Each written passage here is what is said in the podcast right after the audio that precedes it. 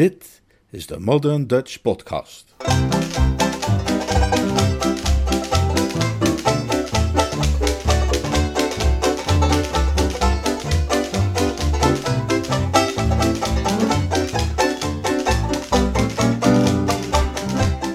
Jeeves en de Liefde. Een roman van P.G. Woodhouse, The Mating Season, vertaald en voorgelezen door Leonard Beuger.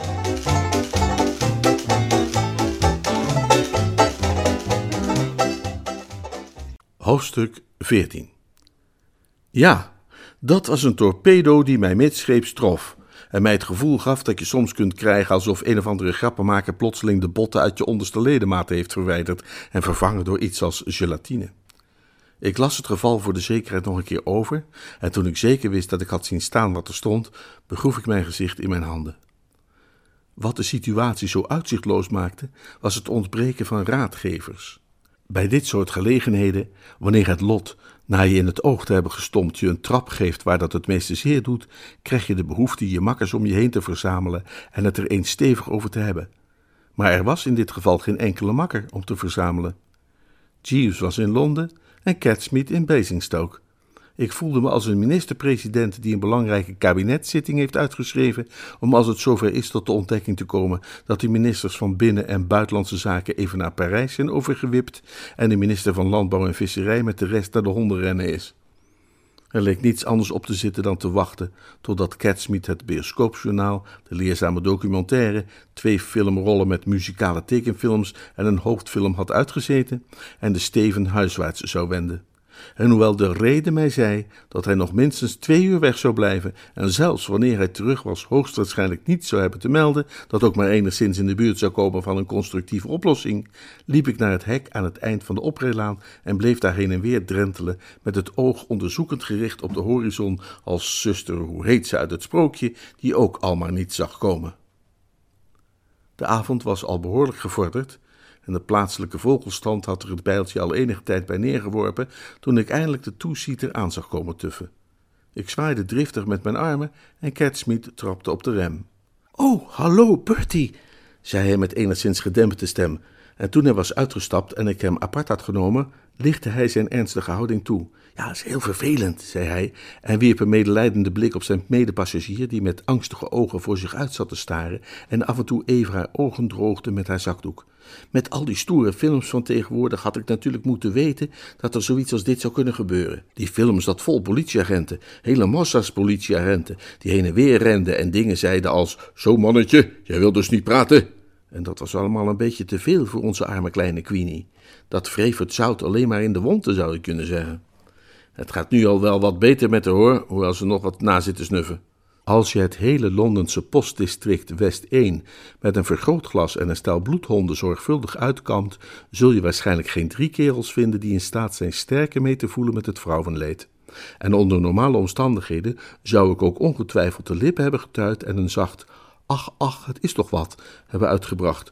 Maar op dat moment had ik geen tijd en geen aandachtsruimte voor verdrietige kamermeisjes. Alle beschikbare tijd en aandachtsruimte was even gereserveerd voor woester B. Lees dit eens, zei ik. Hij keek me veelbetekenend aan. Zo, zo, zei hij, met wat wel aangeduid wordt als een sardonische lach. De erecode van de Woesters heeft het niet gered? Nou, ik vreesde al dat het zo zou gaan. Ik kreeg het idee dat hij dat thema nog wel even had willen uitwerken, ten einde de nodige geestigheden ten koste van mij te kunnen debiteren, maar zijn ogen gingen intussen over het document en de betekenis van wat hij daar las trof hem rechtstreeks tussen de ogen.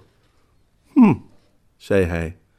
Dit gaat de nodige sociale behendigheid vergen. En of, stemde ik met hem in. Dit vraagt om een uiterst zorgvuldige aanpak. Hier zullen wij goed over moeten nadenken. Daar ben ik al uren mee bezig, nadenken. Ja, maar jij hebt zo'n stel van goedkope imitatiehersenen die het nooit lekker doen. Het wordt iets heel anders wanneer een man als ik hier het puikje van zijn intellect aan schenkt. Uh, was Jeeves maar hier? Ja, die zou uitstekend van pas komen. Heel jammer dat hij er niet is. Ja, en nog jammerder, kon ik mij niet weerhouden te zeggen, hoewel een fijngevoelig man er niet van houdt dit soort dingen onnodig te benadrukken, dat jij die hele ellende hebt losgemaakt door Gussie te laten pootje baden in de fontein op Trafalgar Square. Klopt, klopt, en ik betreur dat. Maar op het moment zelf leek het een goed idee. Iets onvermijdelijks in feite. Hier was Gussie, wil ik maar zeggen, en daar was die fontein. Ik had het sterke gevoel dat die gelegenheid zich wellicht nooit meer voor zou doen. En hoewel ik de laatste zal zijn om te ontkennen dat er een hoop narigheid uit is voortgekomen, was het op dat moment wel heel erg de moeite waard. Een man die Gussie Fink Nottel salamanders heeft zien jagen in de fontein op Trafalgar Square om vijf uur in de morgen, is een man die werkelijk heeft geleefd.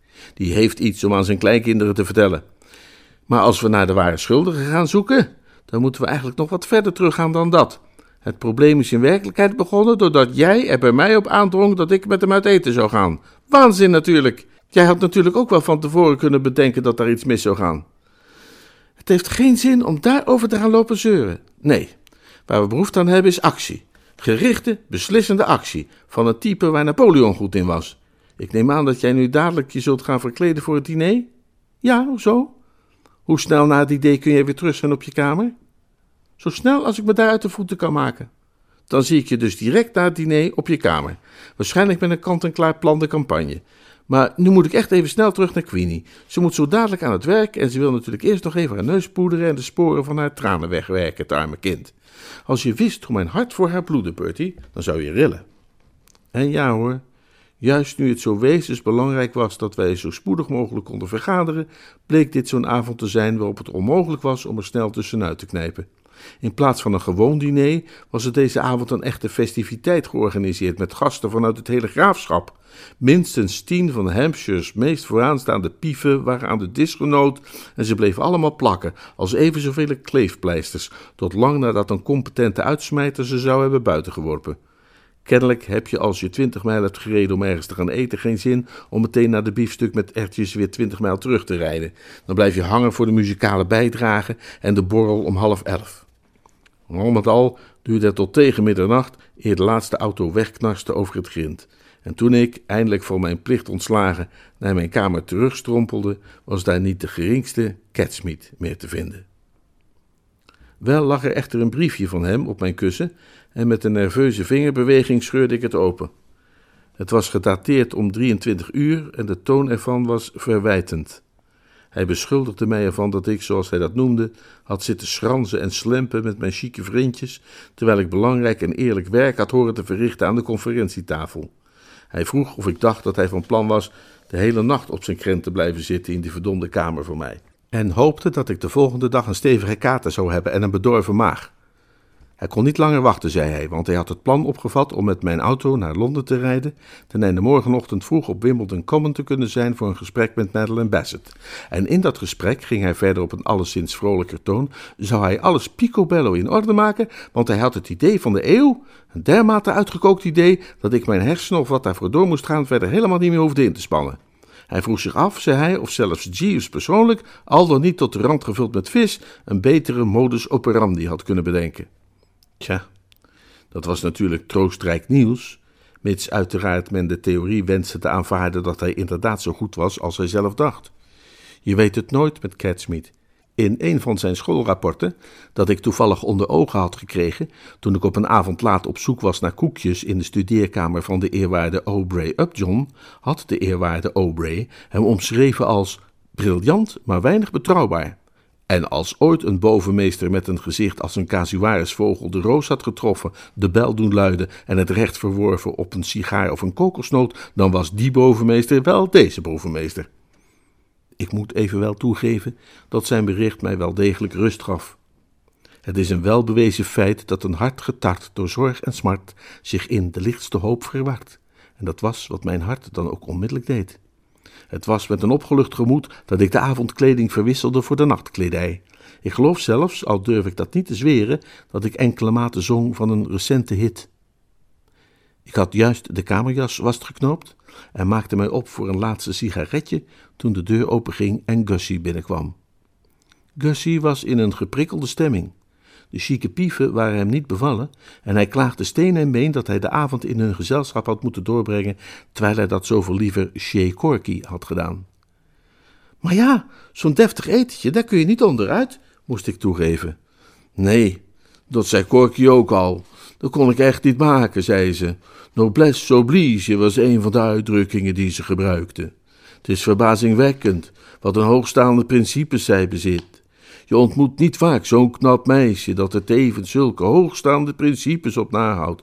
Want knap is ze, vind je ook niet, Bertie? Of als ik knap zeg, dan bedoel ik eigenlijk van een engelachtige schoonheid. Ik zei dat Korkje er inderdaad alleraardigst uitzag en hij vroeg enigszins verhit wat ik bedoelde met alleraardigst. Goddelijk is ze. Het mooiste meisje dat ik ooit heb gezien. Het is zo ontzettend mal dat zij dan de zus is van die Purbright. Je zou toch verwachten dat een zus van Purbright net zo'n afstotelijk monster zou zijn als hij? Nou, ik vind Catsmeet er best ook heel knap uitzien. Dat ben ik niet met je eens. Hij is een monstrueuze kerel en, en, en, en dat blijkt ook duidelijk in zijn uiterlijk. Die Fontaine zit vol met salamanders, Gussie, zei hij tegen mij. Gauw, zorg dat je ze te pakken krijgt. En daar was hij niet vanaf te krijgen. Met felle jachtkreten zweepte hij mij op. Halali, riep hij, en tiro. Maar wat ik eigenlijk kwam vragen, Bertie, onderbrak hij plotseling zichzelf, alsof zijn blik in het verleden hem te zeer pijnigde. Was of ik die das van jou mocht lenen, met die roze wiebertjes op een duifgrijze achtergrond. Ik ga morgenochtend op bezoek in de pastorie en ik wil er op mijn best uitzien. Nog even los van de vlietende gedachte dat hij wel een reuze optimist moest zijn om te denken dat een das met roze wiebertjes op een duifgrijze achtergrond het werk van moeder natuur dusdanig zou kunnen corrigeren dat hij er dan opeens niet meer uit zou zien als een misbaksel met een vissenkop, riepen zijn woorden een gevoel van grote geruststelling bij mij op, dankzij de wetenschap dat Korkie mij in ons jongste gesprek uitdrukkelijk beloofd had om Gussie met onmiddellijke ingang af te serveren en op ijs te leggen. Het was immers wel duidelijk dat er geen tijd te verliezen was. Ieder woord van onze oververhitte salamandervriend toonde met steeds grotere duidelijkheid de mate waarin hij het te pakken had.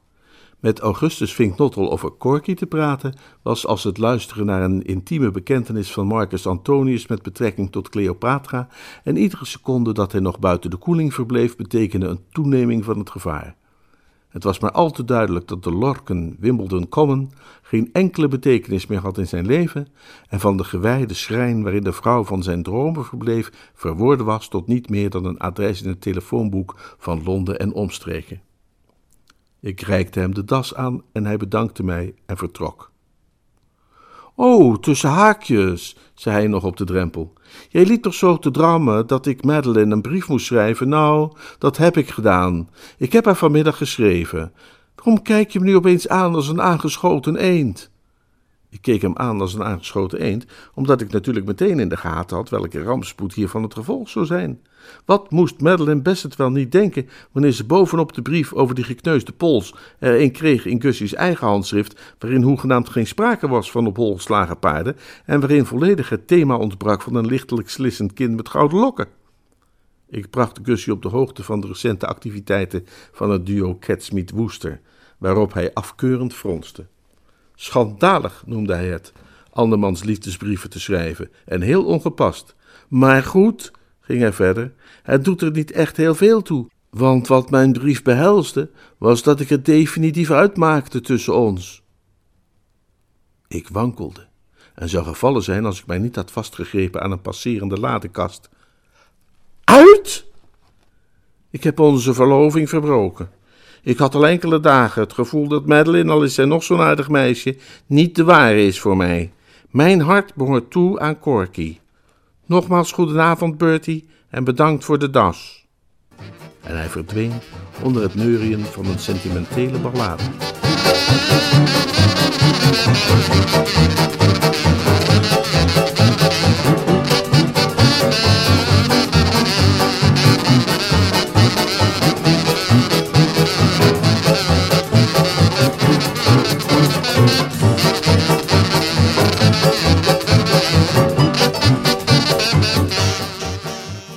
Hoofdstuk 15 De Lorken, Wimbledon Common, is een van die fraaie vrijstaande villa's op ruime kavels, klimaatneutraal en voorzien van alle moderne gemakken en dergelijke, die je aan je linkerhand ziet liggen als je Londen uitrijdt via Putney Hill. Ik weet niet wie die kasten daar hebben laten bouwen, al zijn het kennelijk particulieren die goed in de slappe was zitten, en ook wie de eigenaar van de Lorken was, wist ik niet. Alles wat ik wist was dat Gussie's brief aan Madeleine Bassett op het desbetreffende adres zou worden bezorgd met de ochtendpost. En het was mijn bedoeling, wanneer dat maar enigszins menselijk mogelijk was, die brief te onderscheppen en te vernietigen. Door mij op die wijze in te laten met Hare Majesteits posterijen, riskeerde ik naar mijn inschatting wellicht veertig jaar strenge penitentie, maar dat risico was ik bereid om te lopen. Veertig jaar gaan de slotte snel genoeg voorbij, en alleen door te voorkomen dat die brief zijn bestemming zou bereiken, kon ik dat beetje ademruimte veroveren dat ik zo dringend nodig had om de dingen op een rijtje te kunnen zetten. Zo kwam het dat de volgende ochtend de ruime kavel waarop de lorken lag, behalve een gazon, een zomerhuisje, een vijver, de nodige bloembedden, bosjes en boomgroepen, ook een woester bevatte. Dodelijk nerveus en geneigd om 20 tot 30 centimeter op te springen telkens wanneer een vroege vogel onverwacht chilpte bij het aantreffen van een worm. De woester waarover ik spreek zat verscholen in een van de bosjes nabij de openslaande deuren van wat, tenzij de architect het huis wel erg origineel ontworpen had, de ontbijtkamer was. Hij was van Kings Devrail hierheen gereisd middels de melktrein van 2,54 uur. Ik zeg gereisd, maar wellicht is gesukkeld meer het mot juste. Als melk zich verplaatst, neemt het daar de tijd voor. En het uur u was al vrijwel bereikt eer ik het hek had kunnen binnensluipen ten einde positie A in te nemen. Tegen de tijd dat ik mijzelf dat bosje had binnengewurmd, stond de zon al hoog aan de hemel, zoals Esmond Haddock's tante Charlotte zou hebben gezegd, en als zo vaak werd ik getroffen door de harteloze wijze waarop de natuur gewoonlijk weigert zijn steentje bij te dragen wanneer het menselijk hart weer eens in de soep dreigt te geraken. Hoewel een loeiende stormwind en een striemende regen een passender achtergrond gevormd zouden hebben voor de gebeurtenissen die ochtend, was het uitgesproken mooi weer. Kom aan, we gaan op jacht, zou tante Charlotte gezegd hebben. Mijn zenuwstelsel was echter ernstig ontregeld, en bovendien kroop een van Gods minder aaibare schepselen met naar schatting 114 pootjes via mijn kraag naar beneden, waar hij zijn ochtendgymnastiek begon te doen op mijn gevoelige huid. Het kon de natuur geen lor schelen, zoveel was duidelijk. De lucht bleef stralend blauw en de eerder genoemde zon bleef domweg hoger en hoger gaan.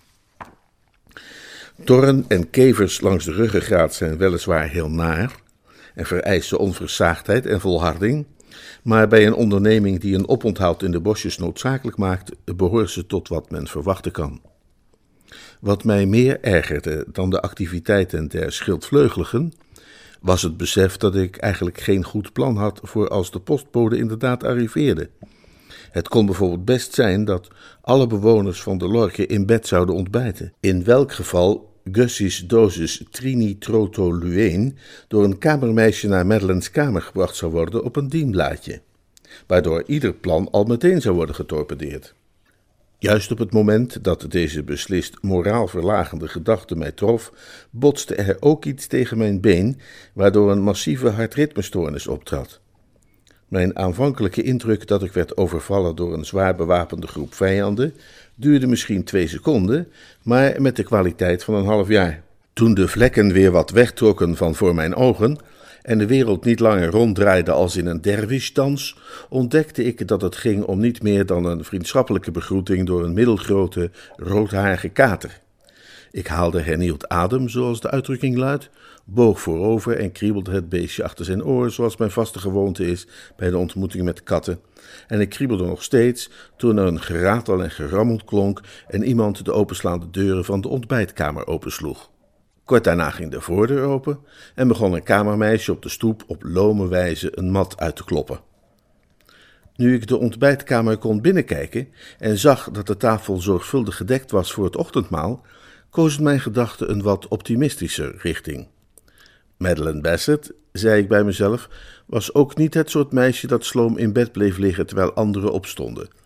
Als de hele meute naar beneden ging voor de morgendis, zou zij erbij zijn. Een van de borden waar ik nu uitzicht op had, was dus haar bord, en daarnaast zou de rampzalige brief spoedig een plaats vinden. Met een snelle actie zou ik wellicht in staat zijn om het ding in mijn vingers te krijgen, nog voordat zij naar beneden kwam. Ik schudde de spieren vast los, ten einde gereed te zijn voor de sprong, en ik stond helemaal klaar op de punten van mijn tenen, toen er vanuit het zuidwesten een gefluit weer klonk en een stem die joe riep, en ik zag dat de postbode was gearriveerd. Hij stond onderaan de treden bij de voordeur en wierp lustvolle blikken op het kamermeisje. Hallo, schoonheid, zei hij. Ik vond het niks. Het hart zonk me in de schoenen. Nu ik die postbode eens rustig van top tot teen kon bekijken, werd me duidelijk dat het hier een kwieke, jonge postbode betrof, soepel en aantrekkelijk van gestalte. Het type postbode dat buiten diensturen helemaal de bink is in de lokale danstenten en tijdens zijn dagelijke ronde vooral gespitst op de meer intensieve scharrelactiviteiten met de diverse dienstmeisjes. Ik had eigenlijk gehoopt op een meer bezadigd model met een beperkter erotische belangstelling. Met een kerel als dit aan het roer kon het afleveren van de post wel eens heel lang gaan duren. En elke seconde die voorbij ging, maakte het waarschijnlijker dat Madeleine Bassett en of anderen op het toneel zouden verschijnen. Mijn angst bleek niet ongegrond. De minuten tikten voorbij. Die jolige jonge postbode week niet van zijn plek en bleef maar luchtige scherts debiteren alsof hij een zorgeloze potverteerder was die niets te doen had en zomaar wat langskwam tijdens zijn ochtendwandelingetje. Ik vond het een ware schande dat een rijksambtenaar, wiens salaris mede door mij gefourneerd werd, op een dergelijke frivole manier de tijd ton stond te verknoeien, die hij tot nut van het algemeen had dienen te besteden. En het had niet veel gescheeld of ik had er een pittige brief over geschreven naar de krant. Uiteindelijk werd hij kennelijk toch geprikkeld door een restantje plichtsgevoel, overhandigde de meid een stapel post en ging er met een laatste kwinkslag vandoor. Het kamermeisje verdween uit beeld om even later weer op te duiken in de ontbijtkamer. Daar las ze met een verveeld gezicht, alsof ze er niets spannends in ontdekken kon, een aantal van de aanzichtkaarten en deed ze wat ze minstens een kwartier eerder had moeten doen. Ze legde de kaarten en de brieven naast de betreffende ontbijtborden.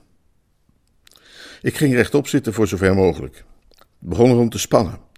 Wat er vervolgens zou gebeuren, nam ik aan, was dat de meid op zou hoepelen om zich elders in het huis aan haar plichten te wijden, waardoor het terrein onbewaakt en open kwam te liggen en met het soort gevoelens van het strijdros dat ha zegt als de bazuinen klinken, spande ik eens te meer de spieren aan.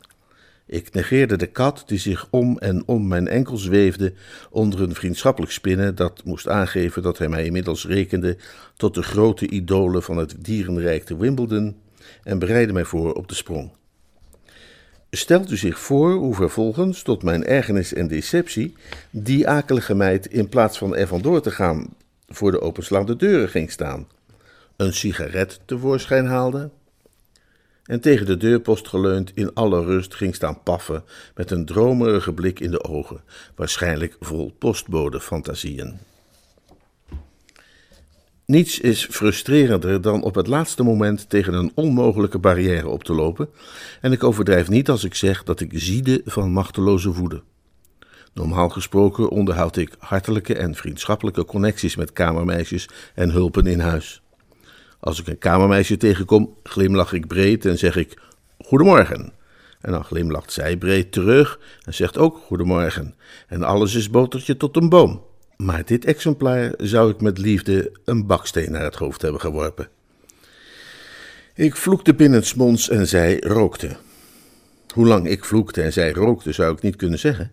Maar ik begon mij juist af te vragen of die vernederende vertoning nog lang ging duren, toen zij plotseling opsprong, haastig over haar schouder keek, de rest van haar sigaret in de bosjes wierp en zich snel uit de voeten maakte via de zijkant van het huis. Het deed sterk denken aan de bekende afbeeldingen van een nimf verrast bij het baden. Het duurde niet lang eer ik kon ontwaren waarom zij er zo rap vandoor was gegaan. Heel even had ik nog gedacht dat het de stem van haar geweten was geweest, die haar iets in het oor gefluisterd had, maar dat bleek niet zo te zijn. Er was iemand door de voordeur naar buiten gekomen, en mijn hart sloeg een dubbele aksel toen ik zag dat het Madeleine Bassett was. Juist, zei ik tegen mezelf, dat is het einde? Want het leek onvermijdelijk dat zij binnen twee tellen in de ontbijtkamer zou zijn, waar het laatste nieuws uit Deverell Hall op haar lag te wachten, toen mijn joie de vivre, dat tot een nieuw dieptepunt gedaald was, werd hersteld, doordat zij links afsloeg in plaats van rechtsaf, en ik bovendien nu opmerkte wat mij eerder was ontgaan, namelijk dat zij een mandje bij zich droeg en een tuinschaar. Daaruit kon men gemakkelijk afleiden dat zij op weg was om een ruiker bijeen te garen van nog bedauwde bloemen, en daarin had men volkomen gelijk. Ze verdween uit het zicht en ik was opnieuw alleen in het gezelschap van de kat. Er is, zoals ik het Jeeves wel eens puntig heb horen formuleren, een tij in mensen handelen dat, met de vloed bezeild, leidt tot een hoog geluk. En het was me duidelijk dat zulk tij thans aangebroken was. Het zogeheten cruciale ogenblik was ontegenzeggelijk daar, en iedere raadgever had, indien aanwezig, mij geadviseerd nu toe te slaan en het ijzer te smeden, nu het heet was. De jongste gebeurtenissen hadden mij echter nogal verlamd. De aanblik van Madeleine Bassett zo dichtbij dat ik een scheersteentje in haar mond had kunnen gooien, bij wijze van spreken natuurlijk, niet dat ik het echt gedaan zou hebben, had op mij als effect gehad dat mijn spieren waren verstijfd. Ik was even volkomen machteloos, niet eens in staat de kat een schop te geven, die, wellicht onder de indruk dat deze bewegingloze Bertram een boom was, begonnen was haar nagels te scherpen aan mijn been.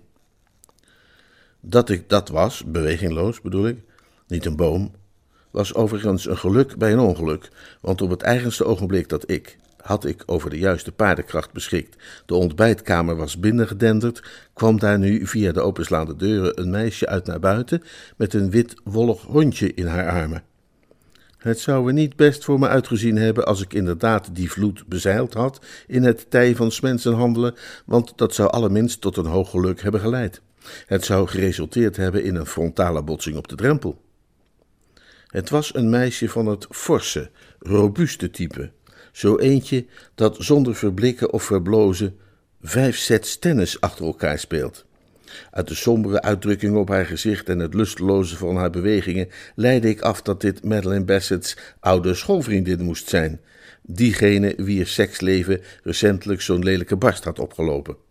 Spijtig natuurlijk, en heel vervelend dat haar droomprins niet in de barrage was gekomen, maar op dat moment kon ik mij eerlijk gezegd niet erg druk maken over haar persoonlijke problematiek, daar mijn aandacht helemaal uitging naar het lastige parket waarin haar komst mij gebracht had. Ten gevolge van de vertraging die de tijdrovende versiermethodes van de lustvolle postbode hadden veroorzaakt, was mijn plan de campagne rijp voor de prullenbak. Ik kon onmogelijk actie ondernemen terwijl meisjes van het robuuste type mij de weg versperden.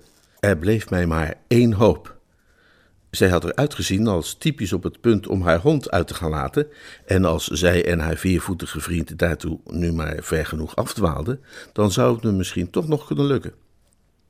Ik was juist een kleine kansberekening aan het uitvoeren op dat punt, toen zij het hondje op de grond zette en ik tot mijn onbeschrijfelijke schrik moest constateren dat het dier recht op mijn bosje afstevende en elk moment kon ontdekken wat het struweel verborg om daar luid blaffend van te getuigen. Want geen enkele hond, wit of niet wit en wollig of niet wollig, zal de aanwezigheid van vreemdelingen in bosjes met een schouderophalen laten passeren. Een en ander kon naar mijn oordeel nauwelijks anders aflopen dan met mijn ontdekking, ontluistering en beschaming, en bovendien met een venijnige beet in de enkel. Het was de kat die de oplossing bracht in deze hartelijke situatie. Wellicht vond het dier het tijd worden voor het ontbijt, of misschien ook kreeg het eenvoudig genoeg van Bertram Woesters gezelschap. Hoe dan ook, verkoos het dit moment om mij alleen achter te laten. Het trad uit het bosje tevoorschijn met de staart in de lucht, en het witte wollige hondje barstte instinctief los in de kinologische versie van Tante Charlotte's We gaan vandaag op jachtlied, en ging er met een lustig hallo, hallo, hallo, hallo, hallo achteraan. Gejagers langer niet gewacht, leek ook de oude schoolvriendin te denken, zodat nu in de eerste bocht konden worden waargenomen 1. De kat, 2. De hond, 3. De oude schoolvriendin. De kopgroep liep snel uit, meerdere lengtes scheiden de nummers 2 en 3. Ik bleef niet treuzelen. Een toevallige passant zou niet meer hebben waargenomen dan een vage flits. Na tien seconden stond ik licht hijgend naast de ontbijttafel met Gussie's brief in mijn hand en in een oogwenk had ik die brief in mijn zak gestoken. In een tweede oogwenk stond ik weer bij de openslaande deuren om mijn ontsnappingsroute te plannen. Ik stond op het punt om langs diezelfde weg ook weer vaag weg te flitsen, toen ik plotseling het robuuste meisje weer terug zag keren met het witte wollige hondje in haar armen. Ik begreep wat er was gebeurd. Die witte wollige hondjes hebben erg weinig uithoudingsvermogen. Prima in de sprint, maar hopeloos op het lange stuk. Dit exemplaar moet na de eerste 50 meter of zo het echte hallo-hallo gevoel zijn kwijtgeraakt en zich tijdens een adempauze hebben laten inhalen. In de uren des gevaars weet een woester razendsnel te handelen. De ene vluchtweg versperd ziende, koos ik razendsnel voor de andere. Ik repte mij de kamer uit, via de deur naar de gang, repte mij vervolgens naar de andere kant van de gang en, nog altijd reppend, bracht ik mij in voorlopige veiligheid in de tegenoverliggende kamer.